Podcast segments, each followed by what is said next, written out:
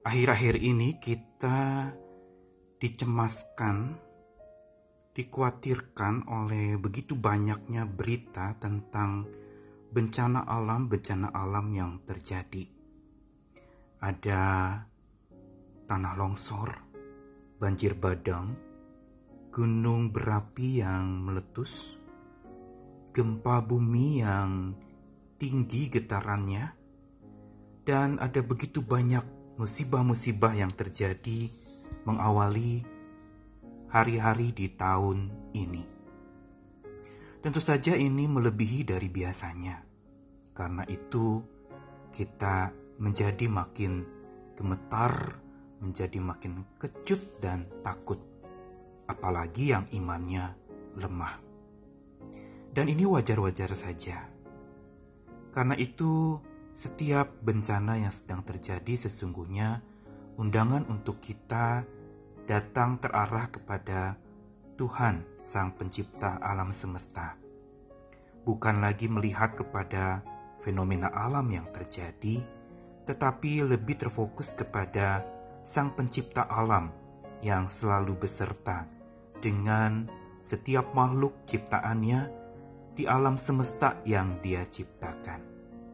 Saya Nikolas Kurniawan menemani di dalam Sabda Tuhan yang menyapa hari ini dari Matius 16 ayat 1 sampai 4. Kemudian datanglah orang-orang Farisi dan Saduki hendak mencobai Yesus. Mereka meminta supaya ia memperlihatkan suatu tanda dari sorga kepada mereka. Tetapi jawab Yesus, pada petang hari karena langit merah, kamu berkata hari akan cerah dan pada pagi hari karena langit merah dan redup, kamu berkata hari buruk. Rupa langit kamu tahu membedakannya, tetapi tanda-tanda zaman tidak. Angkatan yang jahat dan tidak setia ini menuntut suatu tanda, tetapi kepada mereka tidak akan diberikan tanda selain tanda Nabi Yunus. Lalu Yesus meninggalkan mereka dan pergi. Bagian firman Tuhan yang dibacakan dari Matius 16 ayat 1 sampai 4 adalah sebuah peristiwa di mana Yesus dihampiri oleh orang-orang Farisi dan Saduki, orang beragama pada waktu itu yang ingin mencobai Yesus. Dan mereka meminta supaya Yesus memperlihatkan satu tanda dari sorga kepada mereka. Ini berlatar belakang banyaknya mujizat-mujizat yang Yesus lakukan pada saat itu dan disaksikan oleh orang-orang Farisi dan orang Saduki.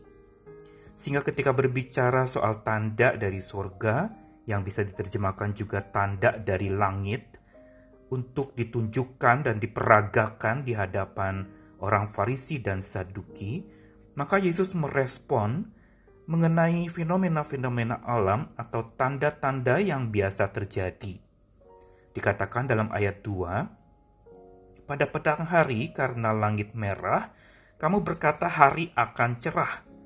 Dan pada pagi hari karena langit merah dan redup, kamu berkata hari buruk. Dengan kata lain, Yesus ingin memberitahu orang-orang Farisi dan Saduki pada waktu itu bahwa sesungguhnya mereka sering kali bahkan terlalu sering pandangan mereka terarah kepada fenomena alam yang berlangsung. Mereka bisa menyebut hari cerah, mereka bisa menyebut hari buruk. Bukankah hari ini kita juga sering menyebut, "Oh, cuaca baik, oh, cuaca buruk"? Ini lumrah dan wajar sekali. Tetapi Tuhan mau mengajak kita, dan juga lewat bacaan ini, bahwa kita sebenarnya tidak diundang ketika melihat fenomena alam yang terjadi, termasuk bencana alam untuk hanya sekedar mengomentari dan memberikan penilaian ini baik, ini buruk. Ini menyenangkan, ini tidak menyenangkan. Karena itu Tuhan menegur dengan mengatakan kepada orang Farisi dan orang-orang Saduki waktu itu, rupa langit kamu tahu, tapi tanda-tanda zaman tidak.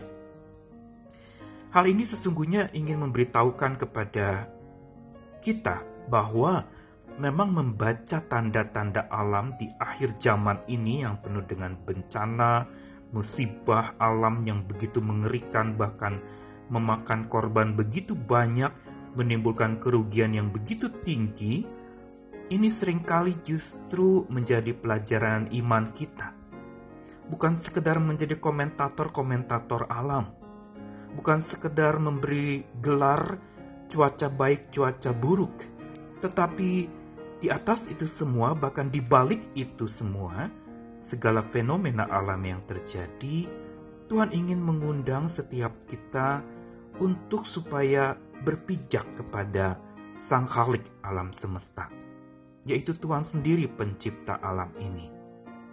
Karena inilah sebenarnya yang menjadi cikal bakal dan awal mula kita bisa menilai dan membaca zaman dengan benar. Bukan sekedar mengomentari, tetapi membaca tanda-tanda dan bencana alam di akhir zaman ini bukan sekedar fenomenanya, tapi ada apa di balik itu. Melihat kepada Tuhannya, bukan kepada apa yang dibuat oleh Tuhan. Melihat kepada penciptanya, dan bukan melihat kepada apa yang diciptakannya, termasuk cuaca-cuaca musim-musim yang berganti di bumi ini. Termasuk juga musibah-musibah, entah gunung berapi, atau banjir, atau mungkin gunung meletus. Semua ini sesungguhnya mau memberitahu dan mengajak kepada kita untuk belajar bijak, berpijak kepada Sang Khalik alam semesta, sehingga fokus pandangan kita dan orientasi kita itu selalu kepada Tuhan, Sang Pencipta itu, bukan sekedar pada tanda-tanda dan bencana, tapi melihat kepada agenda Tuhan dan rencananya. Karena dia ada di atas segala zaman. Dia menguasai segala zaman demi zaman. Karena itu pada saat akhir zaman kita mendengarkan berita-berita yang semuanya dikaitkan dengan akhir zaman dan bahkan kita sering kali menafsirkan Alkitab begitu rupa dan mengait-ngaitkan dengan fenomena alam yang terjadi saja, kita sebenarnya diundang untuk lebih lagi memandang bukan sekedar kepada alam semesta, tapi memandang kepada Sang Penciptanya, Sang Maha Abadi atas segala zaman. Memang kita ada di era akhir zaman yang memang kita tidak tahu kapan berakhirnya. Tetapi pada masa-masa sekarang ini, ketika terjadi banyak bencana alam, begitu banyak musibah yang datang beruntun, menimpa bumi ini secara global, kita justru sedang dipanggil bukan saja untuk sekedar membaca tanda-tanda dan bencana-bencana alam itu. Tapi Tuhan juga mengundang kita untuk berkaca diri kepada agenda dan rencana Tuhan.